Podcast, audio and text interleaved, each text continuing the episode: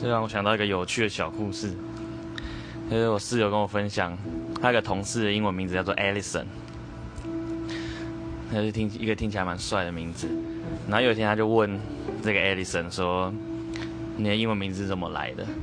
然后他就说：“就是他小时候他爸在帮他想英文名字的时候，他就说，因为他爸很喜欢阿里山，所以就帮他取 Alison，Alison，阿里山。” Alison，阿里山，是不是又学会了一个单字了呢？学英文就是这么简单，没有错，就是这样。今天英文小教室分享给大家，谢谢大家，大家啵啵。